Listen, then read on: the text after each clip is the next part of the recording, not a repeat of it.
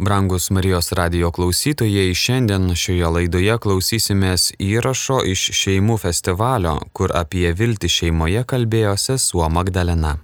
Tai aš iš tiesų visai nieko, nepa, nieko nepanašiai į Ernestos pristatymą. Aš neturiu labai didelės patirties kalbėti tokiems garbiems žmonėms kaip jūs. Ir man truputį baisu. Na, bet va. Ir turiu dar prisipažinti, kad e, kai man davė jau sesė Aurelija šitą temą, buvau be prarandanti viltį. Nes dėl dviejų dalykų. Pirmiausia, dėl to, kad man tos įspūdis, kad šiais laikais ne, nėra labai madinga kalbėti apie viltį. Ir mes krikščionis galvojame, kad tai tiesiog kasdienis sakymas Dievas tau padėjęs visose sunkiose situacijose ir tada patys bandom išsikaptyti iš tų situacijų. Ir mes žymiai daugiau žinome e, apie meilę, tikėjimą kaip darybės. Ir apie viltį mažiau šnekam. Tačiau ji labai svarbi. Pavyzdžiui, mūsų pirmasis popiežius, bažnyčios įkūrėjas Petras mums sako, sergėkite savo širdise viešpati Kristų visuomet pasirengę įtinkinamai atsakyti apie jumise gyvenančią viltį. Didelė atsakomybė. Ir kita bėda buvo man beruošiant šią paskaitą, tai kad Jonas nekalba apie viltį. Tiesą sakant, patikrinau iš pradžių lietuviškai, prancūziškai, tada ir graikiškai jau pasižiūrėti. Ir e, žodis apie viltį jo raštuose, kurie yra ganėtinai gausus, tai yra, e, žinot, Evangelija, apokalipsė, laiškai. E, žodis viltis yra tik tai vieną kartą - elbis. Tai vadinasi graikiškai laukimas, vėlimasis tikintis kažko. Ir yra tris kartus žodis viltis, kaip veiksmažodis, laukti, viltis, trokšti kažko. Tad, kaip žinote, tikrasis vilties apaštalas yra Šventas Paulius. Jis labai daug rašo apie viltį ir popiežiaus enciklika, jeigu jūs ją žinote, specialvi yra pilna e, Švento Pauliaus citatų. Taigi, šie keturi žodžiai - elpis ir tris kartus elpizau, tokia daro išvada, kad Biblijos žodis viltis yra džiaugsmingas, malonus laukimas. Graikiškai taip, taip pat išsiverčiama. Ir tada aš pasižiūrėjusi tas keturias citatas Švento Jono, jas pasikapščius, pamačiau, kad yra iš tikrųjų visai daug įdomių dalykų. Ir tas visas idėjas suskirščiau į tris temas, apie kurias su jumis kalbėsiu. Pirma tema - tai bus vilimasis, tai reiškia, kad turėjimas vilties susitikti su kažkuo. Antroji tema bus nusivylimas, kaip vartai į tikrąją viltį. Ir trečioji apie amžinai gyvenimą, kuris prasideda šiandien. Taigi pradėkime pirmą temą. Tokį pirmosios tos Jono citatos, suprasite, kodėl aš buvau prarandanti viltį. Tie žodžiai du kartus pavartoti antrojo trečio laiško pabaigoje, kai Jonas sako, aš viliuosi, nu tas lietuviškai išverta tikiuosi, jūs pas, pas jūs atvykti ir pasikalbėti gyvų žodžių. Tai čia jis kalba apie, žinoma, tas bažnyčias, kurios jis rašo. Bet iš tiesų, jeigu mes galėtume pamastyti, tada galbūt tai galėtų reikšti, kad vilties objektas ne šiaip kažkokia abstrakti teorija. Kaip sako popiežius Benediktas, susitikimas su Kristumi turi būti ne vien informacinis, bet ir performacinis. Tai yra taip perkeisti mūsų gyvenimą, kad jaustumės esą atpirkti jo teikiamos vilties. Tad tai tikėjimas susitikti su kažkuo, ne šiaip kažkokia teorija. Ir e, tad taip, vilties charakteristika laukti greitai pamatyti tą, kurio nepažįstam. Popiežius Pranciškus davė tokį pavyzdį, kalbėdamas apie viltį, krikščionišką viltį. Jisai sako, tai kaip mama laukia su kūdikiu. E, mes jo nematom, bet jinai visiškai užtikrinta, kad jis tikrai čia jau ateis. Jis beveik, jau beveik jaučia jo, jo, jo judesius, jo gestus. Ir e, to, taip mes turėtume, turėtume laukti ir Dievo. Tokią pačią mintį pasakė ir toks prancūzas, iš jo iš tikrųjų labai nepažįstu, bet e, jis ekspertas yra Jono ir Pauliaus laiškų Biblijoje. Jis palygino tris vertybės, tris dieviškas darybės e, - tikėjimą, viltį ir meilę. Ir prancūziškai gavosi toks žaidimas, žodžių žaidimas. E, tie, kurie prancūziškai supranta, gali pamatyti, tai yra entendre, attendre et s'entendre. Tai tikėjimas būtų tas išgirdimo aktas, viltis laukti to, ko dar neišgirdom ir galiausiai e, meilė būtų kartu klausyti arba susiklausyti. Ir labai įdomi mintis buvo, kad jis sako, mes dabar čia taip katekizmį išmokom, kad tos trys viltis yra skirtingos - meilė, tikėjimas ir viltis. Nes mums taip analizuoti teologiškai patogiau. Bet sako, kad Biblijoje, pavyzdžiui, Pauliaus ir Jono laiškose, tai vienas ir tas pats aktas, kai iš tikrųjų viltis yra tiesiog tikėjimo dimencija. Mes dažnai apibrėžiam tikėjimą kaip kažką negatyvaus, bet iš tiesų tai tiesiog gimsta iš to, ko mums trūksta. Aš nematau, dėl to tikiu, bet jis kažkaip pabrėžė, pavyzdžiui, apie viltį kalbėdamas, kad tai tiesiog labai džiaugsmingas laukimas išgirsti, toks troškimas išgirsti to, ką dar neišgirdau už to, kurio aš myliu. Nežinau, suprantat. Tai va, tai tada viltis, taip, išlaukti kažkokio, kaip dar negirdėtų. Taigi, viltis gali būti taip, laukti susitikti su kažkuo, arba laukti išgirsti tą, kurį mylime. Įjimas į pilnatvę. Ir tai mylėjimo, tikėjimo ir meilės yra tas pats objektas - Dievas, tik jį išvelgiam skirtingai žvilgsniais. Tada pasižiūrėjau, nes mano temos temoje, kurią man davė, buvo e, žodis griaustinis. Tai reikėjo kažkaip apie jį pašnekėti. Tada nusprendžiau paklausti, pasižiūrėti, kokį Dievo veidą, ką tikisi pamatyti ir ką tikisi išgirsti šventasis Jonas. Ir pažiūrėjau į tai, analizuodama jo vardus, grai iš hebrajų kalbos. Jonas, jau turbūt žinote iš spektaklių, tai Dievas maloningas hebrajų kalboje reiškia. Jis taip pat buvo vadinamas Zebedėjaus sunumi. O Zebedėjus graikiškai reiškia Zebedumna, tai Zebedėjus amžinasis davė. Kai tarsi atrodo, kad Jono pašaukimas tai skelbti neįtikėtiną Dievo dovaną. Jis yra tikras, kad Dievas pirmas mus pamilo. Žinote šitą citatą. Ir Jėzus davė Jonui naują vardą - Griaustinio sūnus su Jokūbu, jiems dviems, tai davė broliams. Ir tai graikų kalboje buvo energijas, reiškia griaustinį, griaustinio sūnus.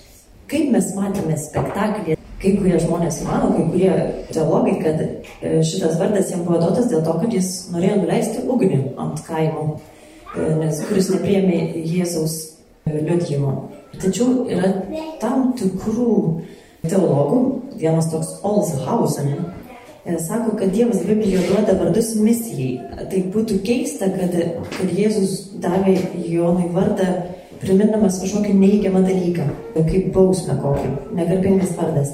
Ir jis pradėjo analizuoti, ką galėtų daugiau reikšti griaustinis. Ir tai nebūtinai supriešinti reikia šias idėjas, bet tiesiog papildyti. Ir e, tada galime pažvelgti, ką reiškia griaustinis Biblijoje.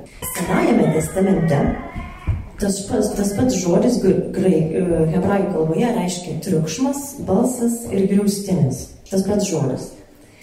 Ir pavyzdžiui, jūs turbūt žinote citatą tokią iš išėjimo knygos, kad kai Mozė užlipo į kalną ir jis dažnai ten lipdavo atstovauti savo tautą, Mozei kalbant, Dievas atsakė jam per kūno griausmų. Tad Dievas kalba, veikia griaustinio. Kita vertimo galimybė turėtų, galėtų būti, kad tai Dievo transcendencija, jis aukščiau už tai, ką mes galim suprasti. Čia jau būtų e, iš jo, Jobo knygas. Štai tik jo galybės užuomenas. Mes tik jo šnabždės į tai išgirstame. Kas gali suvokti jo galybės griausmą? Naujajame testamente, ypač apokalipsija, kalbama apie e, griaustinius. Štai šventasis Jonas juos aprašo. Jonas regėjimai matė sostą, kuris žinoma simbolizuoja Dievo artumą. Ir iš to sosto skriejo žaibai, aidėjo balsai ir griaustiniai. Ir kita tokia įdomi mintis, kad mes lyg atrodo esame pakviesti išmokti tokią kalbą. Po visų neįtikėtinų apokaliptinių kovų apokalipsės knygoje, po vienėlių pergalės gausiminė, kuri žinoma simbolizuoja bažnyčią, gėda jam šlovės giesmę. Vėl išgirdau gausingos minios balsą, lyg didelių vandenų šnakštimą ar galingų griaustinių dundėjimą. Ir galiausiai pačioj Jono Evangelijoje, turbūt įdomiausia citata, tai kai Jonas aprašo Jėzus agoniją, taip vadinama Jėzus agonija pagal Joną, kur Jėzus sako, dabar mano siela sukrėsta, jis medžiasi tėvui ir tėvas jam atsako, aš pašlovinau tavo vardą ir dar pašlovinsiu. Ir aplink stovinti minė, tai išgirdus sakė griaustinius sugriaudus. kai kurie tvirtino, angelas jam kalbėjo. Taigi, tikiuosi, kad jūs dar neužmigat po visų šitų citatų. Dabar jau galime padaryti išvadas. Tai kągi galėtų reikšti tas griaustinis. Toks įspūdis, kad Jono pašaukimas kaip griaustinio sūnus, tai pirmiausia yra jo dvasinė nuostata nuostata. Žmonės, kai išgirdo tėvą kalbant, jie sakė, tai griaustinis sugriaudė, angelas jam kalbėjo. Ir toks įspūdis, kad jiems atrodo, kad tas tėvo balsas yra kažkoks baime keliantis triukšmas kai Dievas pasirodo, arba kažkas, kas mums visiškai neliečia. Čia Jėzus tarp Jėzus ir jo tėvo. Čia Jėzus ir jo tėvas. Mums toks kartais gali būti įspūdis, kad viskas susijęs su Dievu mūsų neliečia. Ir ypač, kai mums sunku jūs tai toli. Mums lengva tikėti, kad Dievas yra geras, kad jis meilė, kad, yra, kad jis yra tiesa, kad jis yra griaustinis ir mes manom taip širdies gelmise, kad jis yra tolimas. Tad Pirmas jos, Jono pašaukimas yra dvasinė nuostata, ta nuostaba. Ne dėl to, kad Dievas yra netikėtino grožio, kaip grūstinis, kurio mes negalime, nu, jis mus taip nustelbė, bet dėl to, kad tas grūstinis, tas nuostabus Dievas pasilenkė prie žmogaus. Jeigu jūs skaitote Švento Jono raštus, manau, galite dažnai pamatyti, kaip jis nuolat kalba, mes mylime, nes Dievas pirmas mus pamilo.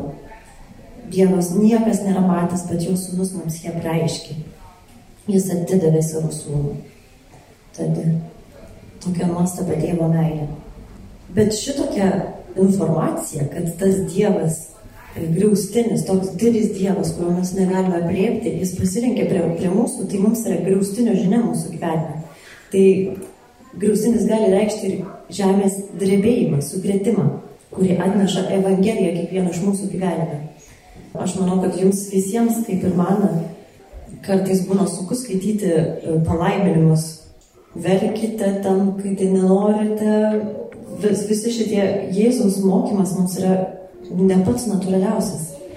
Mes žinom, mes nujaučiam, kad, kad tai yra tiesa, bet, bet kiekvieną dieną tai mums tai sukrečia kaip griaustinius tokia, tokia žinia, toks tas mokymasis mylėti. Ir taip pat tarsi toks įspūdis, kad tikėtis tai jau kaip ir, dar irgi dėl to griaustinio, kad tai kaip ir nerti į vandenyną ir turėti, kai neriam į vandenyną, mes nesitikim visko iš karto pažinti. Tai susitikimas su tokiu draugu, kuriuo, kuriuo mes nuolat turėsim ką pažinti iš naujo, kaip su to, tokia tas griaustinis kaip vandenynas. Ir galiausiai mes turime išmokti, kaip jau sakiau, apokalipsiai šitą kalbą, Jėzus mums sako, ne dėl manęs, dėl jūsų pasigirdo tas balsas. Tad e, mes turim, turim mokytis atpažinti tėvo balsą visose mūsų gyvenimo graustiniuose. Mokytis graustiniais kalbėti. Taigi, galime šią pirmąją dalį pabaigti turbūt atsipalaiduodami. E, man vienas draugas, kai pasakiau, kad apie graustinius kalbėsiu, sako, o, yra labai gražus Justino Marcinkievičiaus eilėraštis. Naktį užkluptas žaibų. Ir man taip kažkaip iš tiesų atrodė labai gražiai, jis aprašė kaip galbūt ir tą Jono kalbą, Jono patirtį, kad kai Dievas ateina į mūsų gyvenimą, mes tarsi būnam užkluptas žaibo, nustėręs. Perskaitysiu jums. Suakmenėjau aštrios šviesos pervertas. Kas tai? Meilė, neapykanta, pyktis, mintis. Ar viename smūgyje viskas? Pagalvojau, Gal taip eina Dievas, gal tai jo žingsnis, jo eisena, jo pastanga išsilaisvinti, ištrūkti iš visumos, pasirodyti, nustebinti ir apakinti. Buvo galima pulti ant kelių prieš tai, kas liejosi iš pilnastvės, nesutildamas nei danguje, nei naktį, bet iki tilpo manį, naktį užkluptas žaibo nustėrų. Tai atrodo tikrai, kad ir Jonai šitai buvo Dievas yra tikrai didingas ir iš tiesų visi ir Lietuvoje mes Dievą griaustiniu vadinam. Ir Senajame testamente Dievas buvo griaustinis, bet kas Naujajame testamente ir kas jo, dėl ko Jonas buvo nustėręs, tai kad šitas Dievas, šitas griaustinis nu, nusprendė apsigyventi mumyse. Tilpo manį. Taigi, eikime į antrąją dalį. Kita Švento Jono citata, vilties citata. Iš tiesų mes visi žinome, kad krikščioniškis vilties objektas yra Dievas. Visi šitai išmokom. Vakar Ramūnas man sakė, kad vyskupas Keipalas sakė, kad e, tokią gražią citatą Dievas pirmoji vietoj, viskas savo vietoj. Ir mes visi su tuo sutinkam, visi tai žinom. Tai mes užmirštam ir nu, mums taip ganėtinai nepatogu tokia viena dalelė, kad vilties objektas yra tik Dievas. Ir e, šitoje citatoje, kur Jonas cituoja Jėzų, Jėzus leidžia mums suprasti, kad mes kartais gyvenime turime netikrų vilčių ir tai mums trukdo susitikti su Dievu. Ir mes galime turėti netikrų vilčių. Pavyzdžiui, Jėzus lyg ir duoda pavyzdžių, galėsite paskaityti po to čia iš Jono penktos skyriaus visą tą tekstą jo. Tarsi atrodo, kartais mes galime sakyti, kad viskas bus blogai, mūsų viltis. Mes tikim, bet dėl visako susitvarkom savo gyvenime, tai, kad mes niekaip, pavyzdžiui, nerandam laiko maldai, viską darom, organizuotis gyvenimas, bet niekaip nesusitvarkom su malda. Ar tai gal nebūtų mūsų nevilties ženklas, kad netikim, kad Dievas tikrai gali mums padėti. Mes sutinkam, kad Dievas ger, geras, bet jis nesirūpina mano gyvenimu, mano pasauliu. Padėk savo Dievas tau padės, sakom. Ir taip suveda su ta Jėzus citata iš Dievo garbės ieškote. Tai kaip galite mane pažinti. Ir kita idėja būtų, kad mūsų viltis, kad viskas bus gerai. Tokia kaip priešingybė kitai vilčiai. Dievas toks geras, kad tiesiog užtenka melstis, kad viskas mano gyvenime būtų gerai. Mes galim iš tiesų būti labai gudrus ir Jėzus būtent apie šitai ir šneka fariziems. Skaitom raštus, einame į bažnyčią, ginčiamės dėl tradicijų. Jėzus mums sako, jūs jais netikit. Jis taip žydams sako, Jūs tyrinėjate raštus, nes manote, juose rasite amžinai gyvenimą, bet tie raštai liudija už mane, o jūs jais netikit. Tai reiškia, kad mes viską darom, bet ir nesusitinkam su Dievu, nesusitinkam su Jėzu. Jis nieko nekeičia mūsų gyvenime. Jo neleidžiame mūsų gyvenime. Taigi tad svarbu nesumaišyti krikščioniškos vilties su optimizmu. Krikščioniška viltis iš tiesų reikalauja ne optimizmo, bet drąsos. Nes jei tai tik krikščioniškai vilčiai, vilčiai reikia atsisakyti visų kičių vilčių iliuzijų. Bet nenusivilkime, Jėzus mums sako, kad mes pilni netikrų vilčių, ne tam, kad mūsų išgazdintų, bet kad mes sutiktume būti nuo jų išgelbėti, kad mūsų viltis būtų išgrynintos. Ir šioje dalyje norėčiau su jumis pasidalinti su tokia mūsų sesers Aleksandros, kuri teologijos daktarė yra ir Romoje Vatikane dėsto E, būtent šeimos teologija, šeimos sakramento, santokos sakramento teologija. Ir ji parašė tokį gražų straipsnį apie išgelbėtą meilę. Ir jos pagrindinė mintis tai buvo, kad nusivylimas, aš nežinau tiksliai kaip tai išversti, bet prancūziškai deception, o angliškai deception, vokiškai dar neišmokau. tai nežinau, ar tai tinka versti nusivylimas, apimaudas, nu, Tai tiesiog turėkit omeny, kad čia toks bendresnis žodis, kad tas nusivylimas yra vartai tikrąją viltį. Ir jis sutapatino dvasinę naktį, kurį mes visi turime pereiti, su meilės naktimi šeimoje. Taigi, pakalbėkime pirmiausia apie tą dvasinę naktį asmenime gyvenime. Ir um, tai iš tiesų, kad visų dvasinis gyvenimas perina per tokį vidinį pokytį. Mums visiems reikia sekti nukryžiuotą Kristų. Šventas Jonas tai puikiai aprašo, nes jis iš tiesų galime paklausti, kodėl jis aprašo kitų, pavyzdžiui, Magdalenos arba Petro arba kitų žmonių visokius sunkumus, netikėjimus, o apie save galvojau, tai kokios čia to Jono problemos. Ir jis tarsi ir nerašo apie save, man toks buvo įspūdis, kad jis tokia pasirinko kaip būti kaip ir standartinis kaip čia pasakyti, kad jis mus simbolizuoja visus. Ir tai simbolizuodamas, jis, jo kelias buvo sekti Kristų iki kryžiaus. Ir po to pereiti į prisikėlimą. Ir tai rodo, kad mes visi kažkokiu būdu turime sekti Kristų iki kryžiaus. Ir būtent, kad būtume prisikeltume su juo. Ir žvengiant į prisikėlimo pasakojimus, ypač Jono Evangelijoje, gali atrodyti, kad tas nusivėlimas iliuzijų praradimas yra tarsi būtinas etapas, kad įtikėtumėm to prisikėlusiu Kristumi. Ir būtent šitoje naktyje gali mūsų šventą išgelbėti ir tai perkeistą meilę. Ir jis sako, kad yra du to nusivylimų arba apmaudo objektai.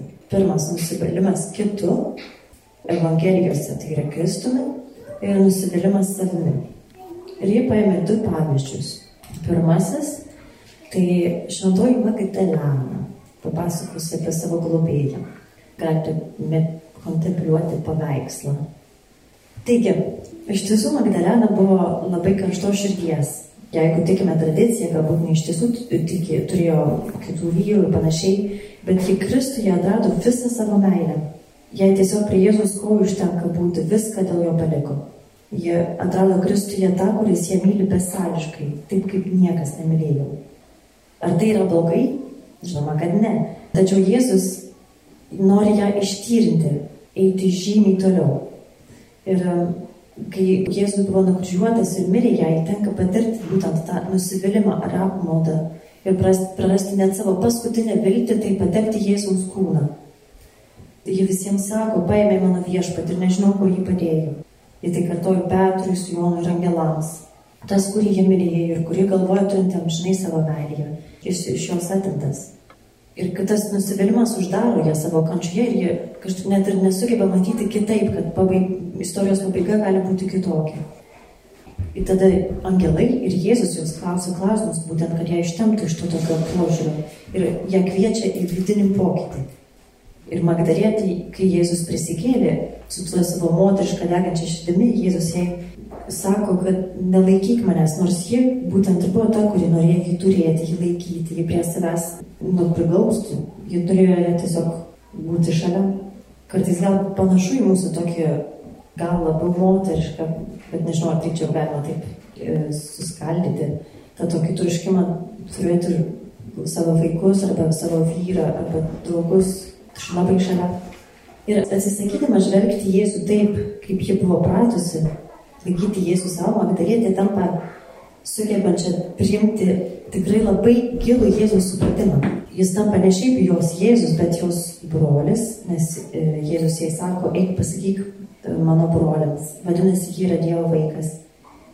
Ir e, Jėzus tampa Dievo sūnumi, nes jis sako, aš žengiu pas tėvą. Ir vadinasi, kažką pradėjo suprasti apie trejybę. Taigi kai ir galiausiai jinai savo savęs dovanojimo slėpinį. Ji turėjo skelbti Jėzų, jį nešti kitiems, nebelaikyti. Tai žymiai kažkas didesnio, nei galėjo įsivaizduoti. Ir e, mūsų ta sesuo tokius penkis etapus suskirsto to nusivylimą su kitu. Taigi, pirmas etapas būtų nusivylimas tuo, ko laukiame iš kito, iš Kristaus. Antras etapas - užsidarimas skausme ir trūkme, gal net pralaimėjime. Trečias etapas būtų vidinis pokytis, sukeltas žodžių, angelo Jėzus kitų, kurie kviečia į savo vilčių ir iliuzijų dėl kito atsisakymą ir paleidimą, šuolį tikėjimą. Ketvirtas etapas - žvilgsnio atsivertimas ir išrinkimas į Velykinį tikėjimą, apreiškimų ir išgalimo prieimimas. Ir penktas - susitikimas su tuo su prisikėlusiu Kristumi, kuris duoda gyvenimą ir kuris paverčia gyvenimo davėjais. Na čia sudėtinga, bet e, tai va, toks ganėtinai gražus procesas, jeigu mes sutiktume juos sekti. Tai ir dar pakalbėkime tada apie tą kitą nusivylimą, tai nusivylimas savimi. Bet čia buvo paimtas Švento Petro pavyzdys. Jūs kaip atsimenate, tai jisai sakė, kaip ir visi mokiniai, kurie buvo pašaukti Jėzus, jie, jie nori jį sekti. Mes eisime su tavimi, bet jį palieka po kryžmį. Ir žinoma, Petras sakė, aš atiduosiu už tave gyvybę. Ir tai yra nėra blogai, bet tiesiog Petras turės pereiti per tokį nusivylimą savimi ir įžengti kažką žymiai didesnio. E, vietoj to, kad jis savo jėgomis e, mirtų už viešpatį, jis tampa apaštalų paštalas, bažnyčios statytojas. Jis perkeičiamas į neįtikėtinį drąsų liudytoją, Kristaus kelbėja iki kryžiaus mirties prieš tos pačius kunigus, prieš kuriuos jis bijojo e, pasakyti, kad aš jo su juo. Čia labai irgi gražus paveikslas, labai man tokios gražus Petro akis, kuris jau taip ir gimstanti viltis, kad Jėzus jį apvalys, kur jaučiasi, kad jam sunku bėgti nuo to savo išdavystės, bet jau kaip ir gimsta tokia aušra, kad jis išgelbės jo nuo, nuo jo savo silpnumo. Ir šitame etape irgi yra etapų. Ir tas nusivylimas savimi irgi kažkaip taip etapais buvo suskirstytas. Tai, tai pirmas buvo etapas pretencingumas ir dosnumas. Ir tai yra gerai. Tada jo, to Petro nukritimas, tuomet nusivylimas savimi, idealaus pasitikėjimo savimi ir savo įvaizdžio netekimas. Ketvirtas etapas - tikras savęs pažinimas, kuris atveria vartus į Kristaus gelbėtojo pažinimą Ir galiausiai, kaip ir kitoje dalyje, susitikimas su prisikėlusiu Kristumi, kuris duoda gyvenimą ir kuris mus paverčia gyvenimo davėjais. Taigi prisiminkime, ką dar galime pasakyti apie Šventą Joną. Nežinau, jūs matote, Šventas Jonas yra čia. Jis turi raudoną ir žalę skraistę. Tai įdomu, žalia žinote, kad yra vilties spalva. Tai jis buvo kančios liudytojas, raudonas spalva ir vilties liudytojas. Tai įdomu, kad jis sakė grįž iki Jėzų iki kryžiaus. Aš galvoju, tai kaip jis, kodėl, kaip jis suprato, kad reikia sekti Kristų iki kryžiaus. Žinoma, galime sakyti, kad jam buvo mergelė Marija ir jis buvo jos sunus, jie sakė. Bet uh, tokia kita mintis buvo, kad kai šventas Jonas nekalba apie viltį, jis nenaudoja tokių žodžių, bet apokalipsija yra kitas žodis, labai dažnai jo vartojimas, tai yra ištvermė. Ištvermė graikiškai sakosi hipomeniai. Ir šitas tiksliau išvertus atrodytų, galėtų būti išlikimas. Tai yra priešdėlis iš po ir menė likti. Ir žinote, kad Jonas kalba labai dažnai pas, apie pasilikimą su Jėzumi. Likite mano meilė, pasilikite su manimi. Ir atrodo, kad tai, kas Jonai padėjo išlikti iki kryžiaus, tai buvo tas suvokimas, kad man tiesiog reikia likti su Kristumi, kad net kai nieko nebematau, kai išoriškai Jėzus netrodo tas mesijas, kurio mes visi laukiame, bet reikia pasitikėti, tai išlikti, ta ištvermė tokia, Jono idėja. Taigi, ta dvasinė naktis galiausiai yra tikras, tokių turi puikių rezultatų. Jis yra aprašytas, ta dvasinė naktis, žinome, apie tai girdėjote šimtą kartų jau, yra aprašyta bažnyčios mystikų. Kai kad, žinome, kad jis, kai žmonės eina prie Dievo, jis juos apvalo. Leisdamas išgyventi tuos nieko nejaučiu, nežinau, kur yra Dievas ir atrodo, kad nebetikiu. Tai vadinasi dvasinė tikėjimo naktis. Ir tai tokios tos nakties puikus rezultatas. Tai yra savęs pažinimas, savo varganumo pažinimas ir tikras Dievo pažinimas. Tai yra tokia Jėzus Kotriniai Sienė, tai pasakė tokia labai aršią frazę, tu ta, kuri nesi, aš tas, kuris esu. Iš, nu, gal tai mums kažkaip sudėtingai skamba, bet iš tikrųjų tai yra tiesiog šerdis to tikėjimo Dievu. Nes palikdama vaiką pasitikėjimą savimi siela supranta, kad jie be Dievo nieko negali ir pradeda jį mylėti ne dėl to, kad mylėti malonu, bet dėl jo paties, dėl to, kad jis yra Dievas. Ir būtent tas įspūdis, kai, kai sielai atrodo, kad viską, ko jie ieškojo ir troško, Dievo meilės, jie ją prarado, bet iš tikrųjų ši naktis, o stebuklė, ją būtent ir nuvedė ten, kur jie norėjo eiti, į tą Dievo meilę, tą Dievo troškimą. Ir Benediktas XVI, čia jau labai ilga yra citata, bet ją įdėjau, kad rimtai atrodytų. Lygina būtent tą tikėjimo, nak, na, dvasinė tikėjimo naktį su žmogiškos meilės naktimi, poros meilės naktimi. Kad išsipildytų mūsų tie žmogiški ir dieviški pažadai e, poros meiliai, viešpats pirmas to trokšta, jis tai sukūrė. Jis pirmas trokšta, kad mūsų meilės troškimai išsipildytų. Jis sukūrė vyrą ir moterį ir susijęjo jos meilę, kad jie atspindėtų trejybę. Ir tai yra netikėtinas pašaukimas. Bet ir popiežius Benediktas XVI ir sako, kad jie, čia atrodo, kad trečiojoje eilutėje, citatoje, Jėzus to taip nurodo savo jis, paties kelią. Jis sako, kas stengsis, stengsis išsaugoti savo gyvybę, tas ją pražudys, o kas ją pražudys, tas ją atgaivins. Tai Jėzus kalba ne tik apie kiekvieno mūsų gyvenimo prasme, bet ir e, meilės kelią. Toks bus mūsų ir mylėjimo kelias toks, tokios meilės išgrįninimo kelias. Tad čia dar pabūkime.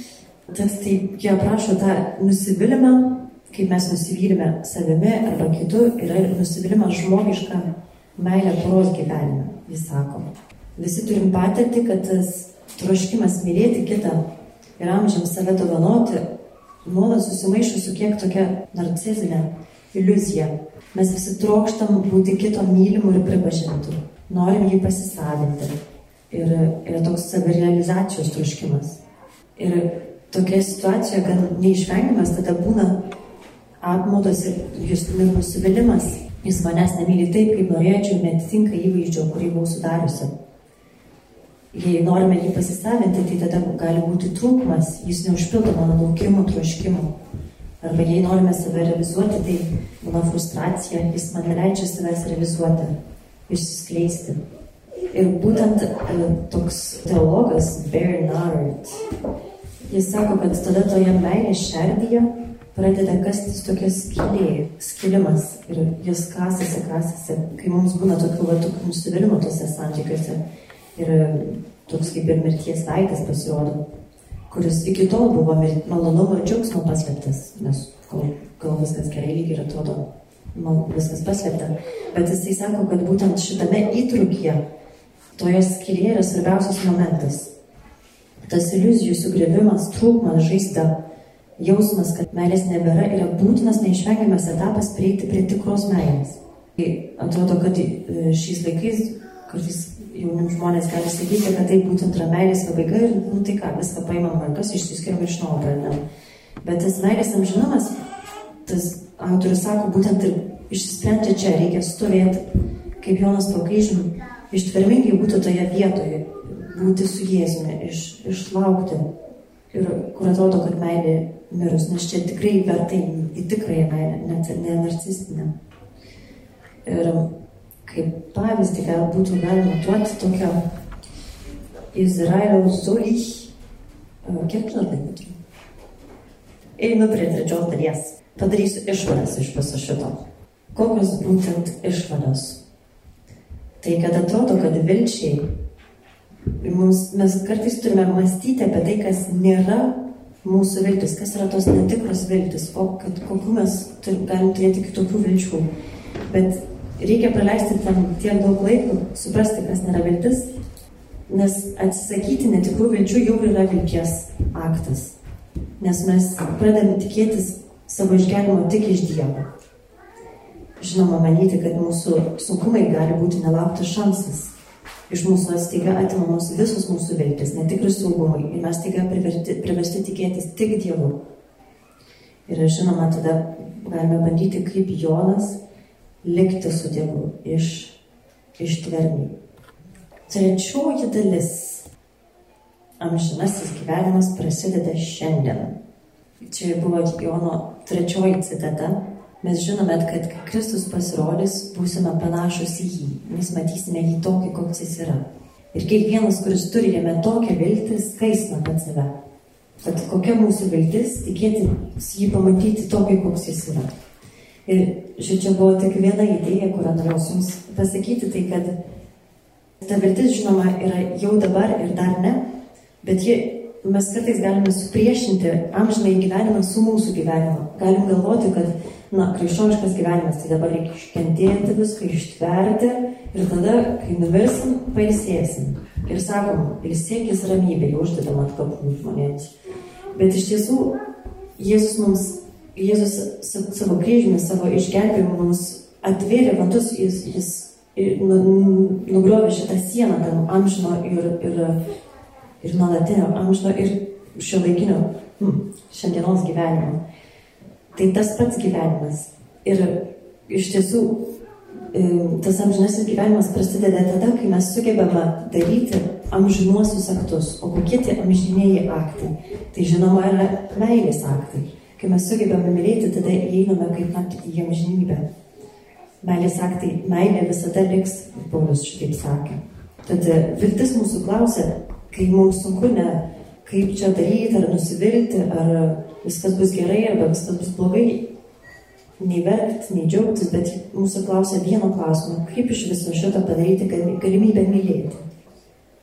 Taigi, priimti dabar, tai, dabar kaip realybę, kaip dvasinę patirtį. Ir tai iš tiesų ganėtinai pritariu, kad tai nėra lengva.